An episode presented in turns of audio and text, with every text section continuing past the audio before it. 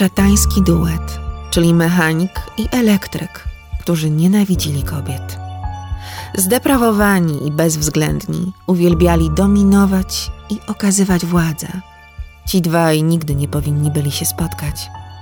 Oto Lawrence Bittaker i Roy Norris, zwani Toolbox Killers.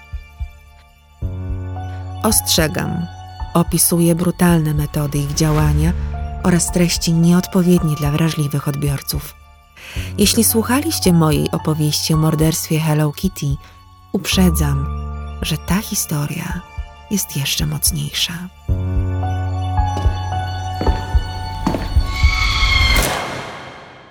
Zanim usłyszycie o wyczynach Toolbox Killers, wprowadzę Was w dwa przestępcze światy, które zetknęły się za więziennymi murami.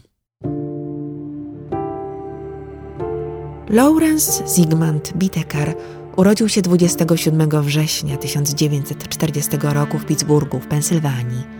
Był niechcianym dzieckiem pary, która w ogóle nie planowała dzieci. Matka oddała chłopczyka do sierocińca. Niemowlę adoptowali państwo Biteker. George Biteker pracował w przemyśle lotniczym i jego rodzina w związku z tym często zmieniała miejsce zamieszkania na terenie Stanów Zjednoczonych. Nigdzie nie zostali na dłużej, więc mały Lawrence miał utrudnione budowanie relacji z rówieśnikami przez ciągłe zmiany szkoły. Pierwszy raz trafił w ręce policji w wieku zaledwie 12 lat za kradzież w sklepie. Od tamtej chwili przyłapywano go wiele razy na podobnych przestępstwach. Po latach opowiadał, że był to sposób na zwrócenie na siebie uwagi. Brakowało mu miłości biologicznych rodziców. Lawrence Bitekar był bardzo inteligentnym chłopcem, z ilorazem inteligencji wynoszącym 138. Nie był jednak dobrym uczniem. Szkołę lekceważył, uważał ją za stratę czasu. Porzucił naukę w 1957 roku, w wieku 17 lat. Mieszkał wtedy z rodzicami w Kalifornii. Wystarczył rok odrzucenia szkoły, by popełnił kolejne i to poważniejsze przestępstwa. Miał wówczas na sumieniu kradzież samochodu, potrącenie pieszego i ucieczkę z miejsca zdarzenia.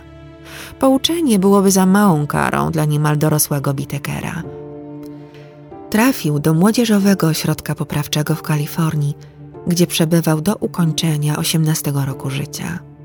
Gdy wyszedł na wolność, Lawrence dowiedział się, że przybrani rodzice wyrzekli się go i zamieszkali w innym stanie. Nigdy się już nie zobaczyli. Po zaledwie kilku dniach od wyjścia z poprawczaka aresztowano go za przejazd skradzionym pojazdem przez granicę dwóch stanów. Skazano go na 18 miesięcy więzienia.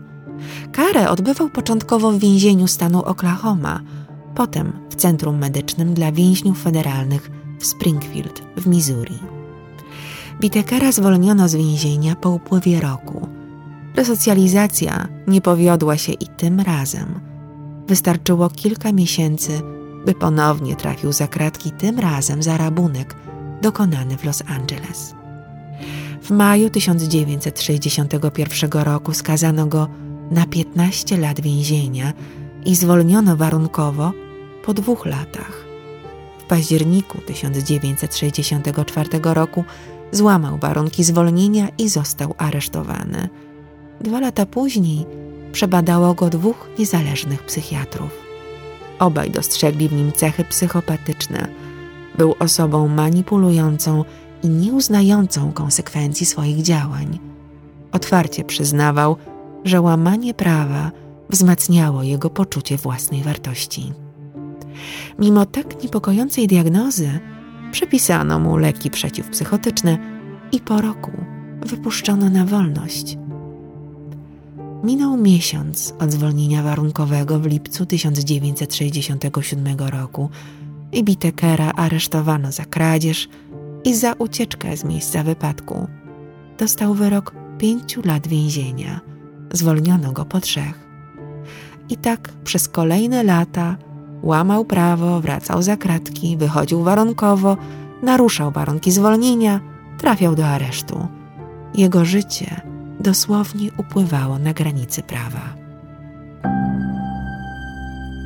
W 1974 roku coś się zmieniło. Po raz pierwszy aresztowano Lawrence'a za napaść z usiłowaniem popełnienia morderstwa. Dźgnął nożem młodego pracownika supermarketu, który oskarżył go o kradzież. Mężczyzna, Gary Louis, zauważył, że Biteker ukradł stek. Wyszedł za nim na zewnątrz sklepu, na parking i dopiero tam podszedł i zapytał, czy przypadkiem nie zapomniał za coś zapłacić. Biteker w odpowiedzi dźgnął młodego człowieka nożem w klatkę piersiową.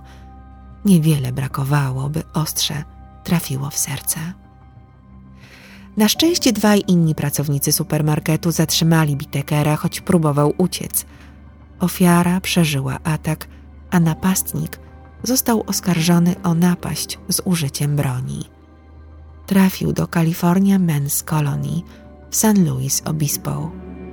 W tym miejscu poznał partnera w potwornych zbrodniach, człowieka, z którym przemierzał stanowe autostrady, polując na nastolatki i młode kobiety.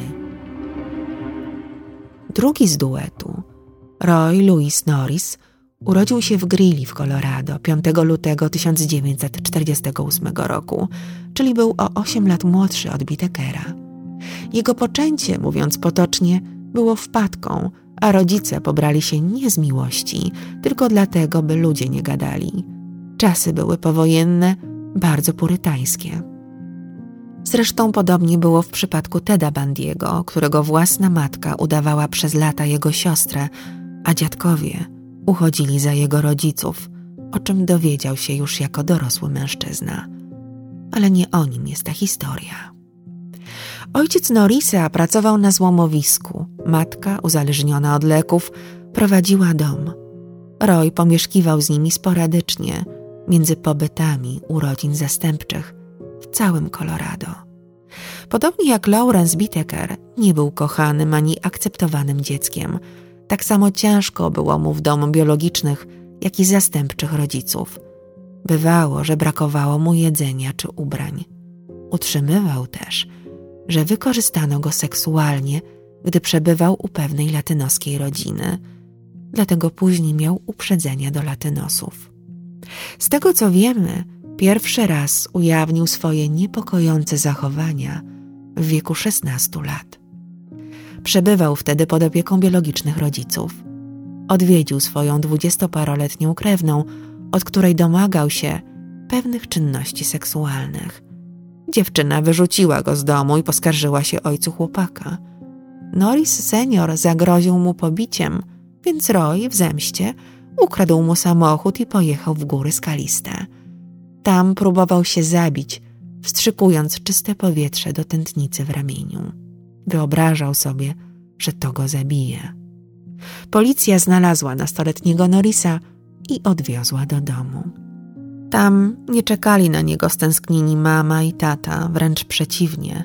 Rodzice oznajmili dzieciom, Royowi i jego siostrze, że wcale ich nie chcą, a jak tylko osiągną oni dorosłość, rozwiodą się i więcej ich nie zobaczą. Norris rok później, podobnie jak Biteker, porzucił szkołę i zgłosił się do marynarki wojennej Stanów Zjednoczonych. Zaciągnął się w San Diego w 1965 roku. Wysłano go do Wietnamu cztery lata później. Odsłużył cztery miesiące. Nigdy nie trafił na front. Tam jednak zasmakował w marihuanie i spróbował heroiny. W amerykańskiej armii przymykano oczy na zażywanie różnych środków czy picie alkoholu, którego porcje zresztą wydzielano codziennie żołnierzom. Mieli oni odcinać się od otaczającego ich wojennego koszmaru. Po kilku latach w wojsku pozostał mu nauk palenia trawki, po którą sięgał regularnie. Wrócił do kraju i pewnie zostałby w mundurze, gdyby nie pokazał, co tak naprawdę go kręci. Roy Norris został aresztowany po raz pierwszy za przestępstwa na tle seksualnym w listopadzie 1969 roku. Oskarżono go o gwałt i napaść z próbą usiłowania gwałtu po tym, jak chciał się włamać do auta samotnej kobiety. W lutym 1970 roku znów próbował wtargnąć do domu kobiety, która była wtedy sama. Najpierw starał się ją zmanipulować po dobroci, podając jakąś wymówkę. Potem zdobył się na próbę włamania. Policja aresztowała Norisa natychmiast po zgłoszeniu kobiety.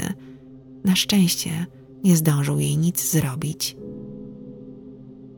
Po trzech miesiącach od tamtych wydarzeń Norris został przebadany przez wojskowych psychologów. Zdiagnozowano u niego schizoidalne zaburzenie osobowości i zwolniono go z marynarki wojennej z powodów, jak to określono, psychologicznych. W maju 1970 roku Norris wyszedł za kaucją za ostatnią próbę napadu. W tym momencie skończyła się historia niepoprawnego młodego mężczyzny, który próbuje zbyt agresywnie zdobyć władzę nad kobietą. Norris po wyjściu na wolność pokazał, do czego jest zdolny. Brutalnie napadł na studentkę na terenie kampusu Uniwersytetu Stanowego w San Diego. Uderzył ją kilka razy kamieniem w tył głowy. Zaatakowana dziewczyna padła na kolana – Powaloną złapał za głowę, którą uderzał o chodnik, klęcząc na jej plecach. Skazano go na pięć lat więzienia i skierowano do kalifornijskiego szpitala stanowego Atascadero w hrabstwie San Luis Obispo. Jako zaburzony przestępca seksualny przez pięć lat przebywał na oddziale sądowym o zaostrzonym rygorze tym szpitalu przetrzymywano i przetrzymuje się wyłącznie mężczyzn chorych psychicznie, skierowanych tu przez kalifornijskie sądy. W latach 70. miejsce to określono dość szokującymi słowami jako Dachau for Queers, Dachau dla osób LGBT. W Atascadero homoseksualnych więźniów zmuszano do przejścia na aseksualizm na drodze eksperymentalnych terapii.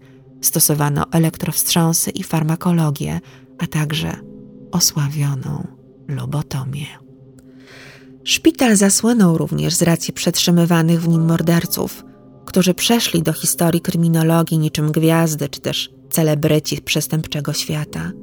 To tutaj w latach 1964-69 przebywał Ed Kemper po zamordowaniu w wieku 16 lat swoich dziadka i babci.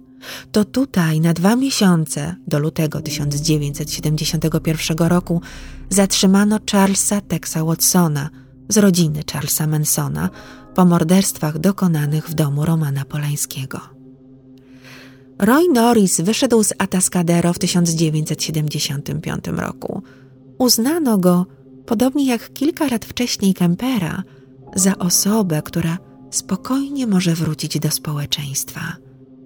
To myślacie się, co było dalej, prawda? Ledwie po trzech miesiącach od wyjścia Norris zaczepił 27-latkę, która szła z restauracji do domu w Redondo Beach. Zaoferował jej przejażdżkę na swoim motocyklu. Odmówiła. Wtedy chwycił ją za szal i mocno go owinął wokół jej szyi. Zagroził, że ją zgwałci. Groźbę niestety spełnił w pobliskich krzakach. Kobieta nie broniła się ze strachu przed nim. Zgłosiła jednak wszystko władzom po fakcie. Najpierw nic nie można było zrobić, zbyt mało było danych do identyfikacji. Na szczęście pokrzywdzona kobieta zauważyła motocykl napastnika miesiąc później, spisała numery i zadzwoniła na policję. Roy Norris został aresztowany i to właśnie wtedy trafił do California Men's Colony w San Luis Obispo. Kojarzycie ten adres? Tam w 1977 roku, rok po przybyciu, spotkał Laurensa Bitekera. Norris zauważył, że Bitekar był całkiem inteligentny, niepozorny z wyglądu, dawał sobie radę za kratami, współpracując z twardzielami z gangów motocyklowych, przemycał również środki odurzające. Szybko się porozumieli i zaprzyjaźnili. Bitekar co najmniej dwa razy ratował Norrisa z poważnych tarapatów, chroniąc go przed współwięźniami. Obaj nienawidzili kobiet – Obu kręciła przemoc wobec nich i strach, jaki w nich wzbudzali. Właśnie to ostatnie najbardziej podniecało Norisa. Natomiast Biteker, którego dotąd nie przyłapano na przestępstwach seksualnych, twierdził, że wywołanie strachu to za mało. Twierdził, że jeśli zgwałci kiedyś kobietę, po prostu ją zabije. Przyjaciele snuli razem plany napadów na dziewczęta w wieku od 13 do 19 lat. Zamierzali zamordować po jednej z każdego rocznika. Mieli spotkać się ponownie po wyjściu na wolność, by zrealizować swoje fantazje.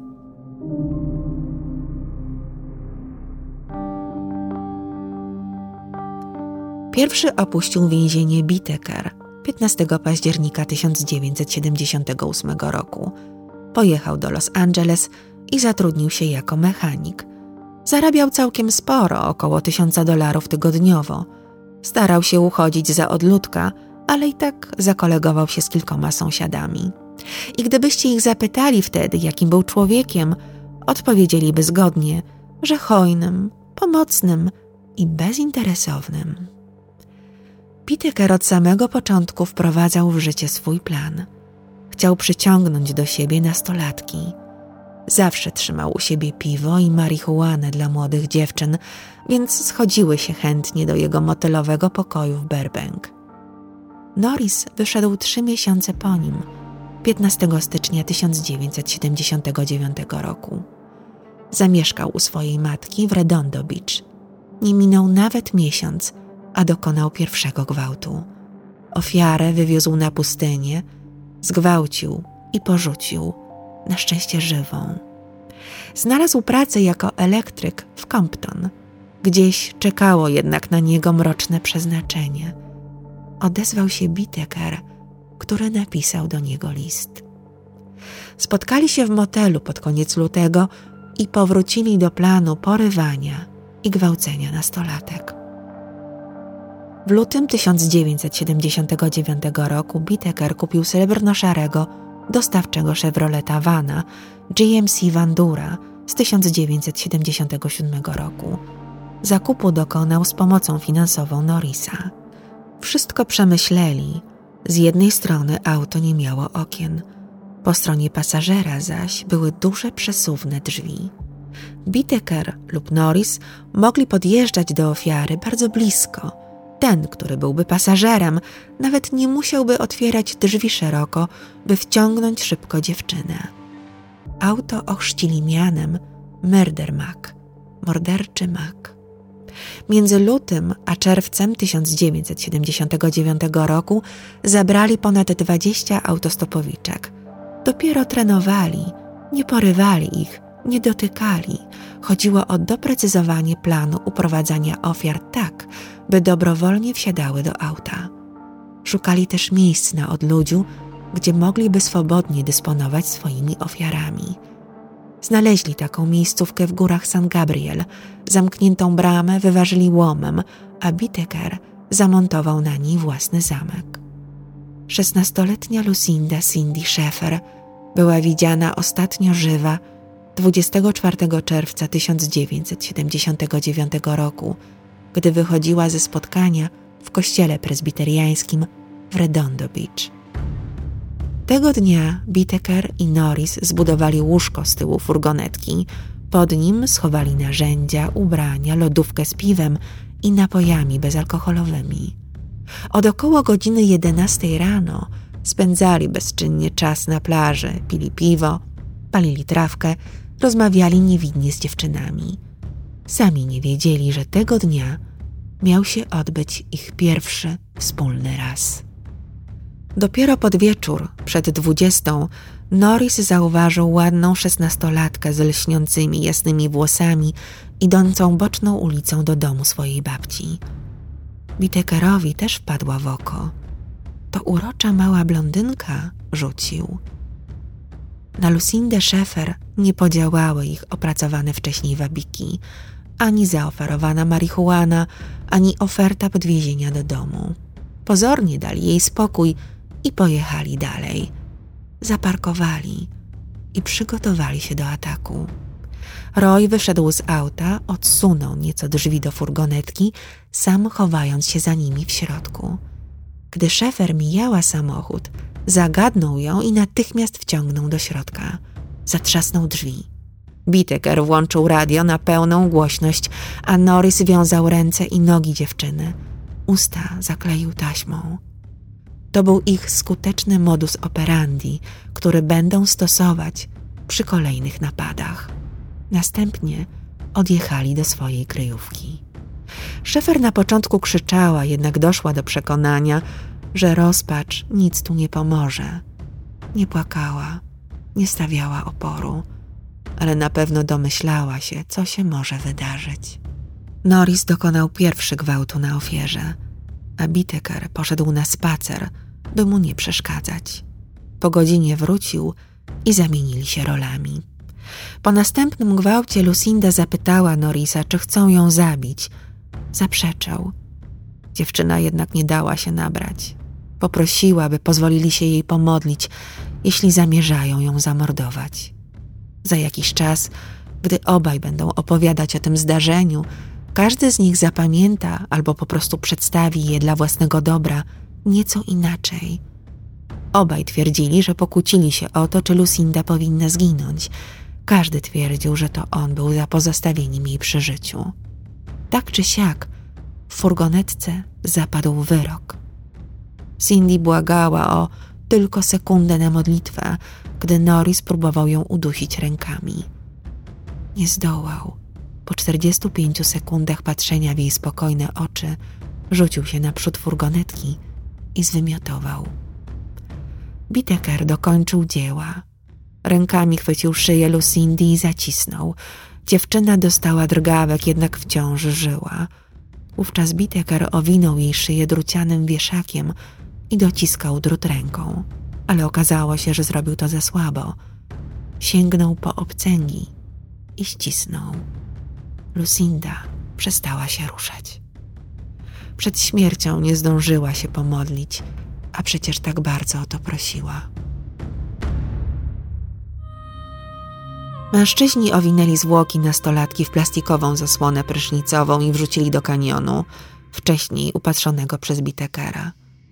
Był przekonany, że zwierzęta zjedzą ciało i nikt nigdy się nie dowie, co stało się z Lucindą Szefer. Osiemnastoletnia Andrea Joy Hall spotkała swoich oprawców dwa tygodnie później, 8 lipca 1979 roku. Podróżowała autostopem przez Pacific Coast Highway, kalifornijską autostradę wzdłuż wybrzeży Pacyfiku.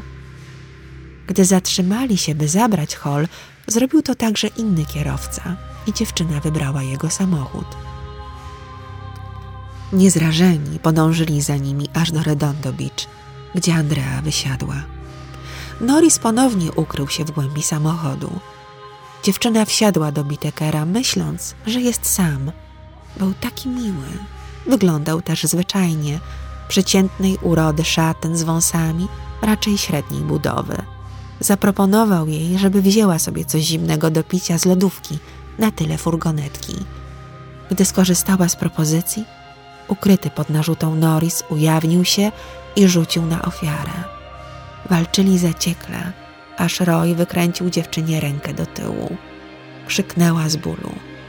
Zakleił jej usta taśmą, związał nadgarstki i kostki.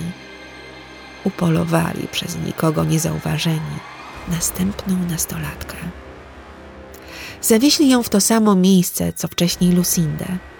Biteker zgwałcił ją dwa razy, Norris raz. Przy drugim gwałcie Bitekera Norrisowi wydawało się, że zbliża się jakiś pojazd. Biteker zasłonił dziewczynie usta i zaciągnął ją głębiej w krzaki. Gdy okazało się, że są bezpieczni, ruszyli dalej autem w górę. Potem znów wysiedli, a Biteker zmusił Andrę do chodzenia nago wzdłuż drogi, potem do uprawiania seksu oralnego i pozowania do zdjęć, które robił jej polaroidem. Gdy zatrzymali się w kolejnym miejscu, Norris zostawił Laurensa z dziewczyną, a sam pojechał do sklepu po kanapki. Gdy wrócił, Biteker pokazał mu fotografie, jakie zrobił pod jego nieobecność. Na dwóch zdjęciach widniała pełna przerażenia twarz dziewczyny. Błagała wtedy o życie. Dla zabawy, niczym kot bawiący się myszą, Lawrence Bittaker zażądał podania powodów, dla których miałby ją oszczędzić. I po prostu wbił jej szpikulec do lodu przez ucho, prosto do mózgu. Obrócił jej leżącym na ziemi ciałem i wbił narzędzie do drugiego ucha. Zaczął skakać po jego uchwycie, aż szpikulec się złamał. Dziewczyna jeszcze żyła, gdy Biteker przyłożył dłoni do jej szyi i dusił. Martwą zrzucił z klifu. Nikt z nas nie chce takiego końca. Przerażającego, upadlającego, bolesnego. Andrea w ostatnich chwilach przeżyła horror, zapewne nie mając już żadnej nadziei na ratunek. Jej przerażenie było pożywką dla mordercy. Napawał się nim. Upajała go władza nad młodziutką dziewczyną, znacznie słabszą od niego i pozbawioną szansy obrony. Spokojnie minęło lato. Mordercy na nikogo nie zapolowali, zapewne żyli wspomnieniami swoich wyczynów. Dopiero 3 września zaatakowali ponownie i to dwie ofiary jednocześnie. Piętnastoletnia Jackie Doris Gilliam i trzynastoletnia Jacqueline Lee Lamp siedziały na przystanku autobusowym w pobliżu Hermosa Beach w hrabstwie Los Angeles. Obie podróżowały autostopem wzdłuż Pacific Coast Highway. Biteker i Norris zaproponowali im podwiezienie, na co dziewczyny się zgodziły. Nie do wiary. Był 1979 rok, półtora roku po aresztowaniu Teda Bandiego, siedem lat po tym, jak na autostopowiczki polował Ed Kemper. Czyżby w społeczeństwie, wśród młodzieży w szczególności, była tak niska świadomość zagrożenia, że grasujących potworów może być więcej? W środku auta obie dziewczyny skorzystały z propozycji mężczyzn i zapaliły trawkę. Szybko, ale jednak za późno, zorientowały się, że zjechali z autostrady stanowej w kierunku gór San Gabriel. Podniosły lament. Norris i Biteker próbowali je uspokoić, bezskutecznie, więc sięgnęli po ostateczne rozwiązanie. Trzynastoletnia Lee oberwała w głowę torebką wypełnioną ołowianymi ciężarkami, gdy spróbowała otworzyć przesuwne drzwi. Straciła przytomność. Odzyskała ją, kiedy Norris wiązał i kneblował Jackie. Znów podjęła próbę ucieczki. Niestety Roy wykręcił jej ramię za plecami i wciągnął z powrotem. Bójka nieźle się rozkręciła, więc Biteker musiał zatrzymać auto. Uderzył w twarz Jackie i pomógł Norrisowi obezwładnić obie dziewczyny. Zawieźli je oczywiście w góry San Gabriel i trzymali w niewoli niecałe dwa dni. Związane i zakneblowane były gwałcone i bite. Oprawcy spali w furgonetce razem z nimi, na zmianę trzymając wartę pewnym momencie Biteker wyprowadził młodszą na zewnątrz, na wzgórze i kazał pozować do nagich zdjęć. Potem poprosił Norisa, aby zrobił zdjęcia jemu i starszej Jackie, nago i w ubraniu. Nagrał też na wideo swój gwałt na piętnastolatce. Dziewczyna miała udawać, że jest jego kuzynką. Biteker twierdził później, że zakopał to nagranie na cmentarzu. Nigdy nie odnaleziono taśmy, na której zarejestrował, jak torturuje Jackie, dźgając ją w piersi szpikulcem do lodu i odrywając obcęgami część sutka dziewczyny. Ich koniec był przesądzony. Musiały zginąć. Norris podobno sugerował, by szybko zabili Jackie, bo przecież była bardziej skłonna do współpracy przez cały czas. Biteker miał mu odpowiedzieć: Nie, i tak umierają tylko raz. Podobnie jak w przypadku poprzedniej ofiary, wbił Jackie szpikulec do lodu najpierw w jedno, potem w drugie ucho. Następnie udusił. Gdy zginęła, wypchnęli z furgonetki pozostałą jeszcze przy życiu trzynastolatkę. Norris uderzył ją młotkiem w głowę. Biteker ścisnął jej szyję rękami. Myśleli, że nie żyje, gdy nagle otworzyła oczy. Wówczas, zaślepieni złością i podnieceniem, mordercy wspólnie dokończyli zbrodnię. Norris bez opamiętania tługł dziewczynkę po głowie młotkiem. Biteker dusił. Ciała Jackie i Lee zrzucili z nasypu prosto w gęste krzewy Chaparral. Ostatnia ofiara, Shirley Lynette Ledford, miała 16 lat. Porwali ją 31 października 1979 roku. Stała przy stacji benzynowej. Zamierzała wrócić do domu autostopem z imprezy halloweenowej na przedmieściach Los Angeles. Wszystko wskazuje na to, że z własnej woli wsiadła do wana morderców. Nie bała się. Rozpoznała Bitekera, znanego jej klienta restauracji, w której pracowała dorywczo jako kelnerka. W furgonetce Norris zaproponował jej marihuanę. Odmówiła. Pojechali na boczną ulicę. Tam Norris wyciągnął nóż i grożąc nim, związał porwaną Shirley i zakleił jej usta taśmą. Mężczyźni zamienili się miejscami. Norris prowadził przez godzinę, może dwie, jeżdżąc bez celu po okolicy. Biteker zajął się szesnastolatką. Uwolnił ją z więzów, bił pięściami, drwił z niej, a ona krzyczała i krzyczała, bo tego sobie życzył. Potem zaczęła płakać. Błagała go: Nie, nie dotykaj mnie. Ten znów kazał jej głośno krzyczeć. Bił ją raz młotkiem, raz pięściami w piersi. Torturował obcęgami. Gwałcił waginalnie i analnie. Wszystkie dźwięki koszmaru Shirley Ledford uwiecznił. Włączył magnetofon zaraz po przejściu na tył furgonetki. Gdy doszło do zamiany miejsc, Norris też rozkazał dziewczynie na przemian krzyczeć i przestawać. Rozochocony uderzył ją młotkiem w lewy łokieć. Wyobrażacie sobie taki ból? To teraz pomnóżcie go razy dwadzieścia pięć. Shirley krzyczała z bólu i przerażenia, a on po raz kolejny wznosił młotek i uderzał.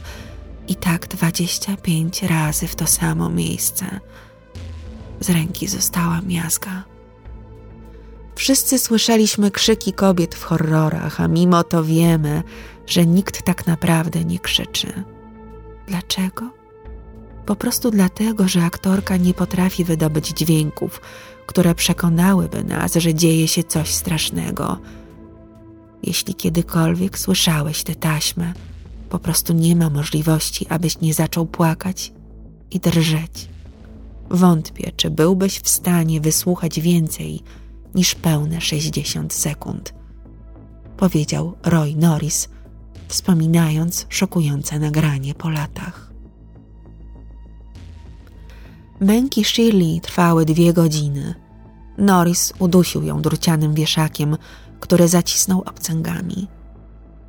Dziewczyna zmarła z otwartymi oczami. W ostatnich chwilach już nie miała sił się bronić. Biteker zdecydował, że podrzucą ciało na przypadkowy trawnik, po prostu żeby zobaczyć, co się stanie, jak zareagują media, policja i opinia publiczna. Podjechali na chybił trafił pod dom w Sunland, gdzie Norris wyrzucił ciało w kępie bluszczu na trawniku. Zwłoki znalazł następnego ranka biegacz. Ściągnął policję. Sekcja ujawniła, że dziewczynę zgwałcono i że zmarła w wyniku uduszenia – Miała też poważne urazy twarzy, głowy, piersi i lewego łokcia. Jej genitalia i odbyt były rozerwane. Biteker zrobił to wkładając obcęgi w intymne miejsca jej ciała. Na lewej dłoni miała ranę kłutą. Palec prawej był przecięty. Niesłychane, że taka zbrodnia uszła im na sucho. Wciąż ich nie namierzono, nawet nie byli podejrzani za każdym razem dbali, żeby nie było świadków. Zgubiła ich pycha i pewność siebie. W listopadzie 1979 roku Norris spotkał się z Josephem Jacksonem, czy też Jimmym Deltonem, jak podają inne źródła, z którym wcześniej odsiadywał karę. Opowiedział mu o swoich makabrycznych polowaniach i przyznał też do zamordowania Shirley Ledford. Tylko jej ciało, jak dotąd, odnaleziono. Dodatkowo zwierzył się, że trzykrotnie uprowadzili wraz z Bitekerem młode kobiety, które przeżyły spotkanie z nimi. Dwie uciekły, trzecią zdążyli zgwałcić, ale wypuścili ją żywą. Jackson po zaskakującej rozmowie z kolegą skontaktował się ze swoim prawnikiem, a ten oczywiście doradził mu zgłoszenie sprawy na policję. Obaj z mecenasem poinformowali władze w Los Angeles, a potem zostali przekierowani na policję w Redondo Beach. Sprawą zajął się detektyw Paul Bynum, który miał zbadać prawdziwość zgłoszenia. Pierwsze, co zauważył, to zbieżność opowieści Jacksona z raportami na temat nastolatek, które zaginęły w ciągu ostatnich miesięcy. Szczegóły jednego z nieudanych napadów zgłosiła sama pokrzywdzona, Robin Robek. Napastnicy wciągnęli ją do furgonetki 30 września tego roku, zgwałcili i wypuścili. Jak dotąd nie zidentyfikowano sprawców. Czyżby stali zatem Biteker i Norris? Śledczy pojechał do Oregonu, gdzie mieszkała Robek i pokazał jej zdjęcia obydwu podejrzanych. Nie miała żadnych wątpliwości. To byli oni. Policja zaczęła obserwować Norrisa. Zauważono, że handluje marihuaną. Aresztowano go w Hermosa Beach 20 listopada 1979 roku za naruszenie zwolnienia warunkowego. Tego samego dnia policja zawitała do motelu w Burbank, gdzie mieszkał Biteker. Został aresztowany za gwałt na Robin Robek. Robek niestety przy okazaniu nie potrafiła jednoznacznie wskazać swoich napastników. Obu więc na razie zatrzymano pod zarzutem naruszenia zwolnienia warunkowego. Ponadto Biteker był w posiadaniu narkotyków w chwili aresztowania. W jego motelowym pokoju znaleziono też zdjęcia przedstawiające Andrea Hall i Jackie Gilliam, które uznano za zaginione na początku 1979 roku. Samochód Murder Mac pełen był kryminalistycznych skarbów. Znaleziono w nim młotek, torbę wypełnioną ciężarkami, wazelinę, dwa naszyjniki, jak się okaże, należące do dwóch różnych ofiar, a przede wszystkim nagrane na taśmie magnetofonowej gwałt i tortury na Shirley Ledford. Jej matka zidentyfikowała głos córki. Pozostałe słyszalne męskie głosy należały do Roya Norrisa i Laurensa Bitekera. Jakim przeżyciem musiało być dla matki odsłuchanie tej taśmy? Czy była w stanie przesłuchać ją w całości? Oby nie została do tego zmuszona. W motelowym pokoju Bitekera odkryto też siedem butelek z różnymi żrącymi substancjami, które, jak sam przyznał, planował przetestować na kolejnej ofierze. Przeszukanie mieszkania Norisa również wniosło nieco do sprawy. Odkryto bransoletkę Shirley i kolejne zdjęcia. Modelkami było około 500 dziewcząt, które w większości wypadków nawet nie wiedziały, że były fotografowane. 30 listopada 1979 roku Roy Norris stanął przed sądem podczas rozprawy wstępnej w sprawie gwałtu na Robin Robek. Ten twardziel, który z taką łatwością i przyjemnością walił młotkiem swoje ofiary, teraz był zestresowany i kulił się pod ostrzałem pytań detektywa i zastępcy prokuratora okręgowego Stevena Keya. Pytali go o gwałt na Robin i historię, które opowiedział kumplowi spod celi. Najpierw zaprzeczył wszystkiemu, jednak po okazaniu dowodów zaczął mówić. Zrozumiał, że ma szansę zawalczyć o swoje życie. Obwiniał Bitekera, siebie rzecz jasna wybielając. Opowiadając o swoich zbrodniach, okazywał obojętność. On miał być tylko wspólnikiem, który pomagał Laurensowi porywać, gwałcić i mordować młode dziewczyny. Tortury według niego były jedynie cytuję, zabawą. Podkreślał, że Biteker robił się coraz bardziej agresywny, brutalny i okrutny z morderstwa na morderstwo. Shirley, ostatnia ofiara, doprowadzona do ostateczności, z bólu po prostu błagała o śmierć, nie chciała więcej cierpieć. Pamiętał, że pierwsza z porwanych dziewcząt, Cindy, wracała z kościoła, że zgubiła but, gdy wciągał ją do furgonetki. Wiedział, że Shirley była latynoskiego pochodzenia i że Biteker chciał się z nią umówić na randkę, ale dawała mu kosza. Szczegóły jego historii utwierdzały stróżów prawa, że wie dużo, że był na miejscu i mordował wraz z Laurensem. Postawiono obydwu pięć zarzutów morderstwa pierwszego stopnia. Szeryf hrabstwa Los Angeles, Peter Peaches, ujawnił mediom, że dzięki analizie zdjęć policjanci dotarli do 60 dziewczyn, którym na szczęście nic się nie stało, jednak aż 19 kolejnych modelek zaginęło. Czy padły ofiarami szatańskiego duetu? Nie wiadomo. Norris zgodził się pomóc policji w odszukaniu ciał. W górach San Gabriel odnaleziono zeszkieletowane zwłoki 13-letniej Jacqueline Lee Lamp i jej koleżanki, 15-letniej Jackie Gilliam. W czaszce tej ostatniej nadal tkwił szpikulec do lodu. Kości czaszki trzynastolatki były pełne wgłębień od uderzeń młotkiem. Ciał Cindy i Andrei nigdy nie odnaleziono mimo szeroko zakrojonych poszukiwań i pomocy Norisa. W lutym 1980 roku formalnie ich oskarżono. Odmówiono Bitekarowi zwolnienia za kaucją. Kaucję Norisa ustalono na 10 tysięcy dolarów. Roy zgodził się na zawarcie ugody, w ramach której miał zeznawać przeciwko Bitekarowi. Ocalił tym samym życie. 18 marca 1980 roku Norris przyznał się do czterech zarzutów morderstwa pierwszego stopnia, jednego morderstwa drugiego stopnia, chodziło o André, do dwóch zarzutów gwałtu i rabunku. Nie groziła mu kara śmierci w komorze gazowej ani bezwzględne dożywocie bezwarunkowego zwolnienia dzięki zawartej z prokuraturą ugodzie. Zanim ogłoszono wyrok, jeszcze go przebadano.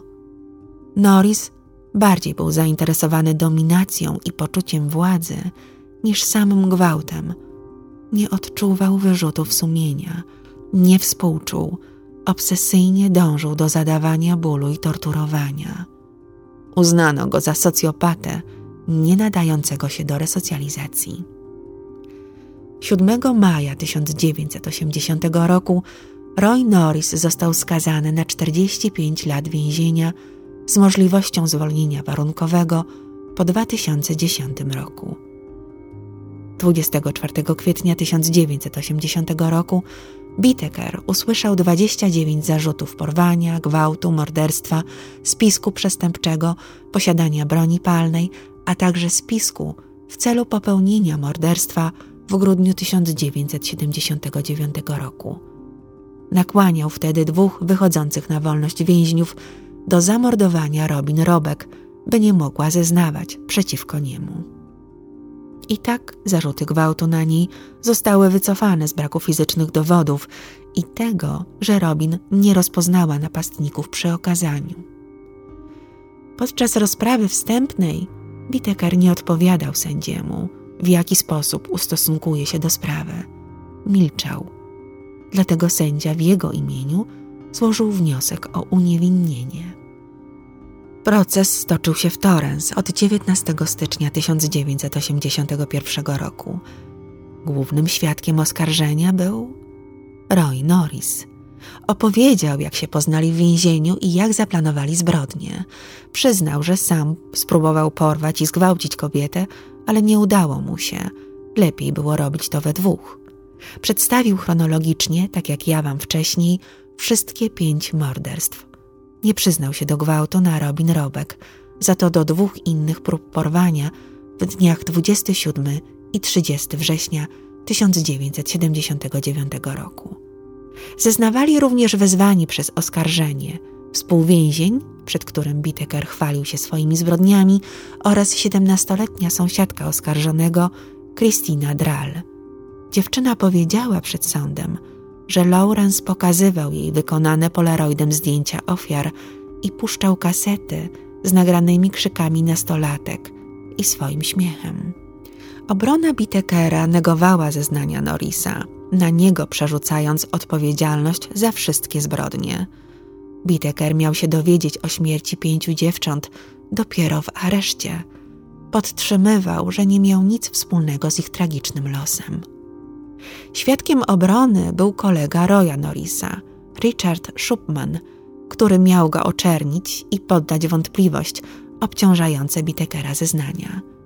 Opowiedział, że Norris wiele razy zwierzał mu się, że marzy o gwałceniu młodych dziewczyn, że opowiadał mu, jak wygląda strach na twarzy takiej dziewczyny i że ten strach był dla niego największą podnietą.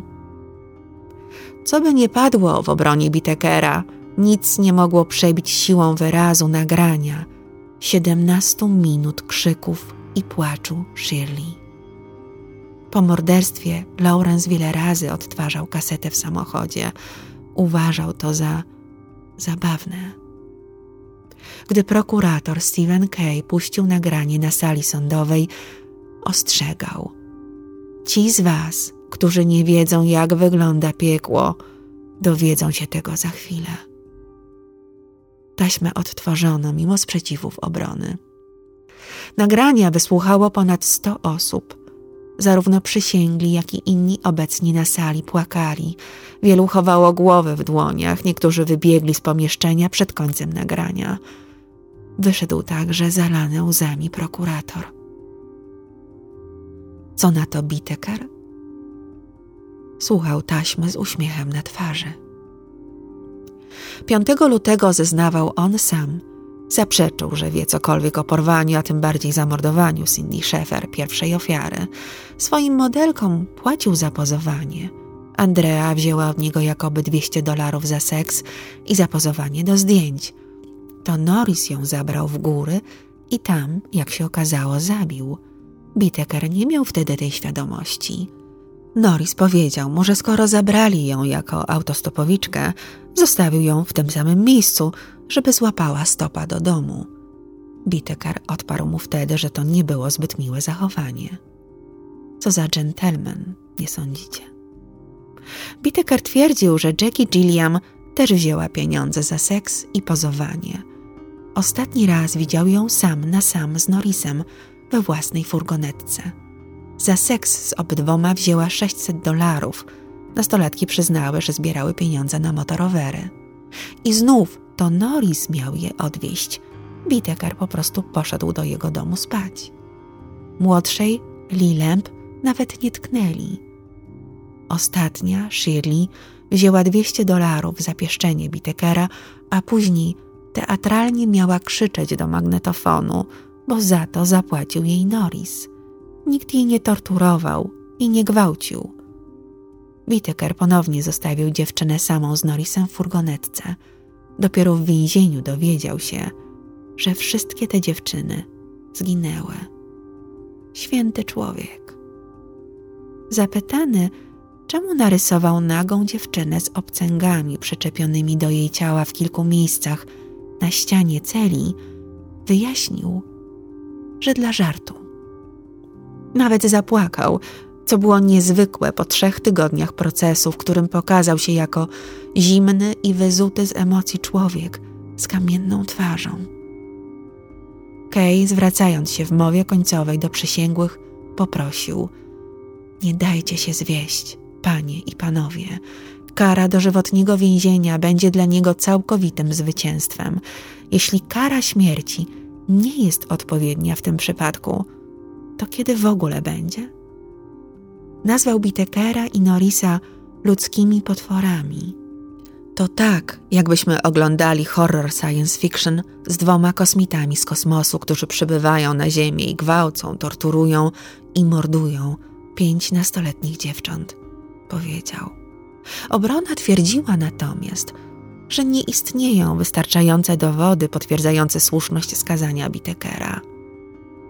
17 lutego 1981 roku, po trzech dniach narady, przysięgli uznali oskarżonego winnym pięciu morderstw pierwszego stopnia, pięciu zarzutów porwania, dziewięciu zarzutów gwałtu i innych drobniejszych przestępstw. Dopiero po tej decyzji przysięgli zaczęli dyskutować nad rodzajem kary. Do wyboru było dożywocie z możliwością warunkowego zwolnienia, bezwzględne dożywocie lub kara śmierci, której oczekiwał prokurator. Siedem kobiet i pięciu mężczyzn obradowało tylko półtorej godziny i ogłosiło wyrok. Za zamordowanie Cindy Schaeffer. Śmierć. Za zamordowanie Andrei Hall. Śmierć. Za zamordowanie Jackie Gilliam. Śmierć. Za zamordowanie Lee Lamb. Śmierć i za zamordowanie Shirley Lynette Ledford. Śmierć. Czterdziestoletni sadysta został skazany na śmierć w komorze gazowej. Wyjątkowo paskudna, dotkliwa kara. W czasie odczytywania wyroku Biteker nie okazał emocji, patrzył tylko na przysięgłych, na jednego po drugim. Gdyby kara kiedykolwiek została zamieniona na dożywocie, sędzia nałożyłby alternatywną karę 199 lat i 4 miesięcy pozbawienia wolności ze skutkiem natychmiastowym. Biteker odwołał się. Jego obrona powoływała się na błędy proceduralne, ale apelacja została oddalona. Błędy owszem były, ale drobne i nie miały wpływu na przebieg i wynik procesu. Ustalono datę egzekucji – na 29 grudnia 1989 roku.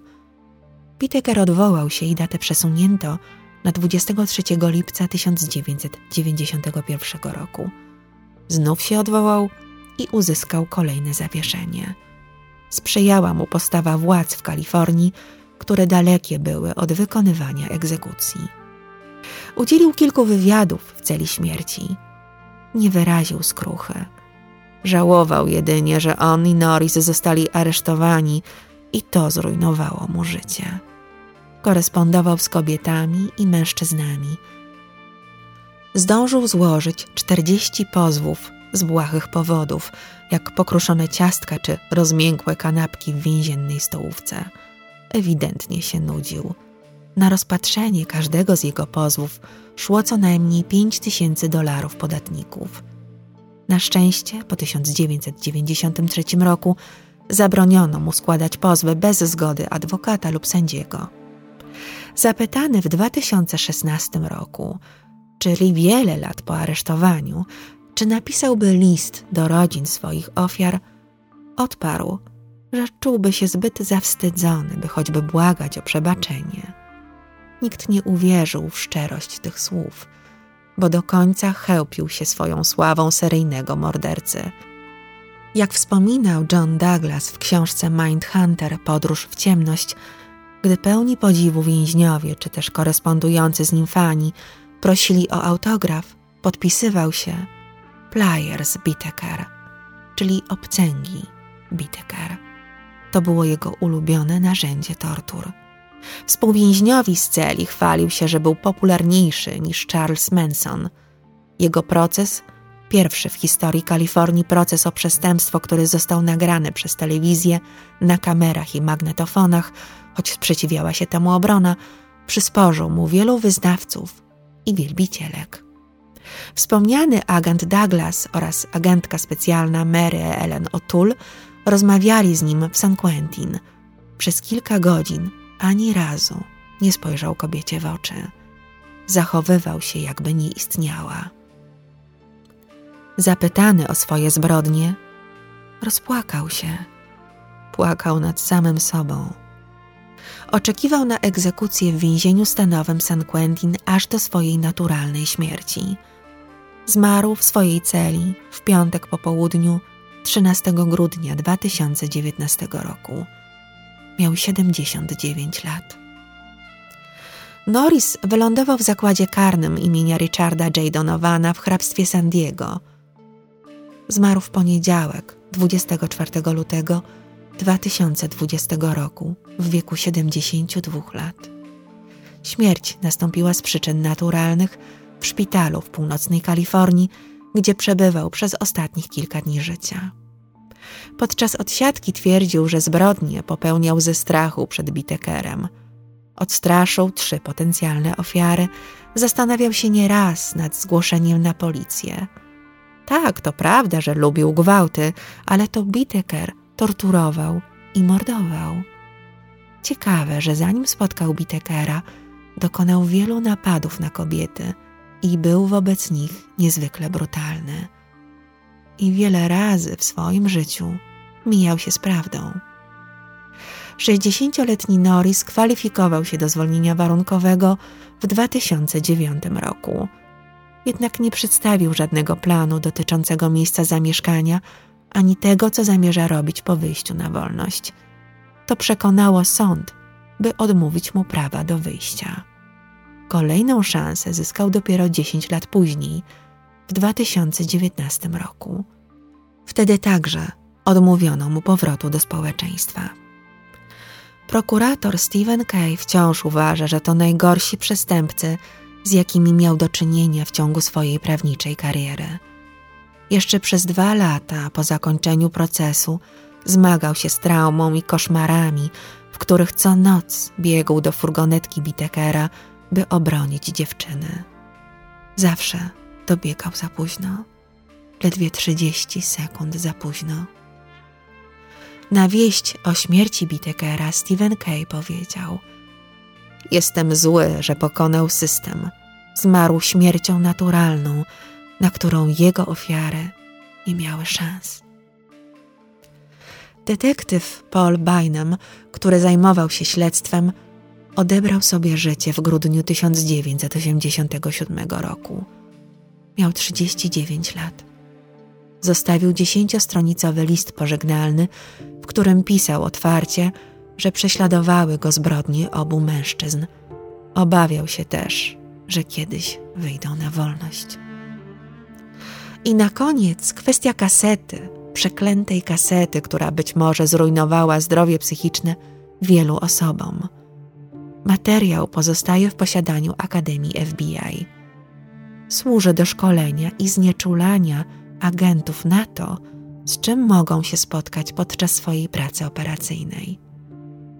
Przed rozpoczęciem zdjęć do filmu Milczenie owiec agent John Douglas udostępnił nagranie aktorowi Scottowi Glenowi w Quantico.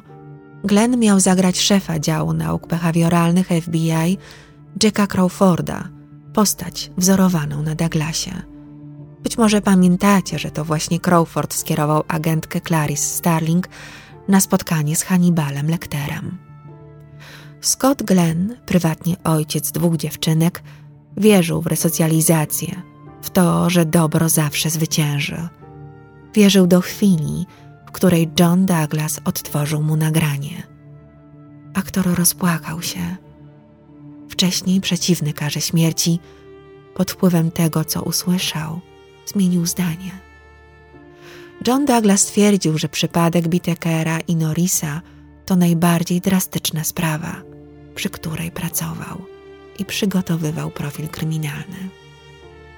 I jeszcze kilka spostrzeżeń, zanim się z wami rozstanę na kolejny tydzień. Furgonetka nie raz bywała pomocna w polowaniach na ludzi urządzanych przez seksualnych maniaków. Pomocna w ukrywaniu ofiar, służyła także za salę tortur. Historia Bitekera i Norisa to nie jedyny taki przypadek w historii kryminologii. Niestety. Zwróćcie też uwagę, że zwykle, jeśli mamy do czynienia z parą morderców, nieważne czy to będzie dwóch mężczyzn, czy kobieta i mężczyzna, jedna strona będzie słabsza, bardziej uległa. Dominujący będzie bardziej zorganizowany.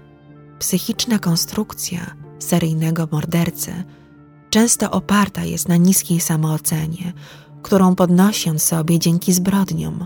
Morderca, który potrzebuje partnera zapatrzonego w niego i oddanego, to człowiek niezwykle zakompleksiony. Żaden geniusz zbrodni o silnej psychice. Na pocieszenie Pamiętajcie, proszę, że nic nie trwa wiecznie, szczególnie przyjaźń dwóch przestępców. Źródła, z których korzystałam przy opracowaniu tego odcinka, to oczywiście obie książki Johna Douglasa i Marka Olshakera Mindhunter i Mindhunter Podróż w ciemność. Obie bardzo Wam polecam, tak samo jak ich ekranizację, czyli serial Mindhunter. Nie, to nie jest współpraca, polecajka jest szczera. Korzystałam również z archiwalnych materiałów z Times Union, NBC, z kalifornijskiego Departamentu Więziennictwa i Rehabilitacji, Independent oraz ze szczegółów opublikowanych w apelacji Bitekera. Ponadto sięgnęłam także do Sacramento Bee, Los Angeles Times i News Pilot z San Pedro.